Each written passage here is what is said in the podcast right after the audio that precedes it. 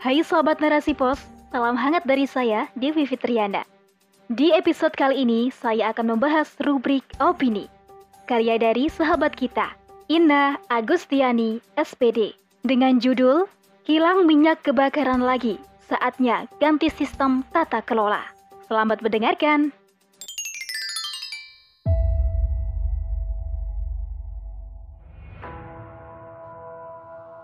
Nyatanya sulit dipercaya jika faktor alam penyebab utama kebakaran kilang minyak di Cilacap. Bagaimana mungkin perusahaan sebesar itu bisa kebakaran dua kali dalam satu tahun di tempat yang sama? Entahlah karena faktor kesalahan mesin atau human error. Yang pasti, mudah-mudahan bukanlah suatu alasan korporasi yang sengaja diciptakan. Jika itu benar adanya, maka tamatlah nurani manusia demi untung besar mengorbankan rakyat.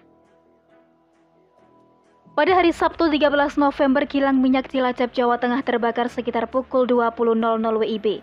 Keesokan harinya, api baru benar-benar bisa dipadamkan secara total. Hal ini dibenarkan oleh Nike Widayati selaku Direktur Utama PT Pertamina. Api pertama bisa dipadamkan sekitar 80 menit dan api kedua terjadi di tangki 36 T102 karena form terbuka lalu dilakukan firefighting hingga esok pagi. Selama 11 bulan terakhir, ada tiga kali kebakaran di kilang minyak milik Pertamina yang terjadi saat hujan disertai petir, dua kali di kilang Cilacap dan satu kali di kilang Balongan. Fahmi Radi, selaku pengamat ekonomi dari Universitas Gajah Mada, menilai bahwa kebakaran yang terjadi dalam setahun ini adalah faktor kesengajaan, bisa jadi untuk meningkatkan kuota impor minyak. Indikasi dari pihak tertentu untuk meningkatkan volume impor pasca kebakaran lahan basah untuk pemburuan rente. Kejadian berulang ini mengindikasi abainya Pertamina dalam pengamanan kilang. Selain menghabiskan bertonton minyak, juga terancamnya keselamatan warga sekitar dekat area kilang. Masih ada kilang saja impor nasional sudah besar, apalagi sesudah kebakaran.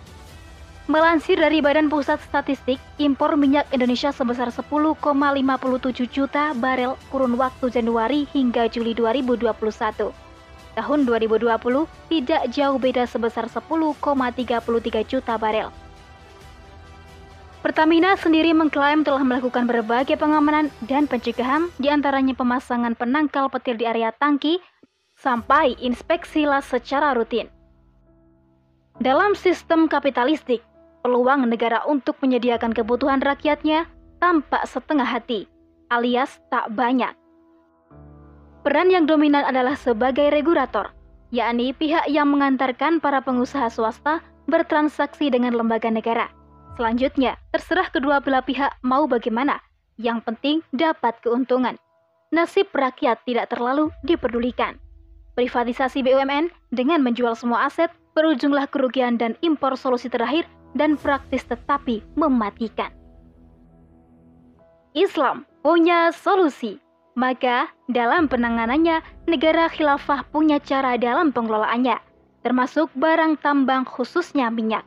Aturan ini datang dari Allah untuk menghapus pengurusan hidup umat manusia dan menutup celah kerusakan yang ditimbulkan, baik itu yang disengaja atau tidak.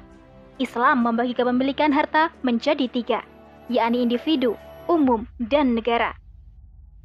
Untuk umum adalah sumber daya alam yang kepemilikannya untuk rakyat. Individu tidak boleh memilikinya. Dalam kepemilikan umum, harta yang diperoleh ada tiga jenis, yaitu barang kebutuhan umum, barang tambang besar, dan sumber daya alam yang bersifat pembentukannya menghalangi untuk dikuasai individu. Dan minyak ini merupakan barang yang melimpah, maka jelas haram dimiliki individu dan menjadi kepemilikan bersama. Negara berhak mengelola dengan sistem politik Islam, memberikan penguasa dengan amanah tertinggi sebagai pelayan rakyat yang hidupnya digunakan untuk mengabdi pada Allah Subhanahu wa taala. Negara bisa saja mempekerjakan swasta asing dalam pengembangan kilang minyak, tetapi hanya sebagai pekerja, bukan sebagai pemain dan pengelola. Dengan orang-orang pilihan yang dedikasi hidupnya taat pada hukum syara, kecanggihan teknologi, sarana memadai, potensi-potensi kerusakan yang ada dapat tertangani dengan baik. Dengan itulah, tata kelola harus berdasarkan syariat Islam. Wallahu alam bisawab.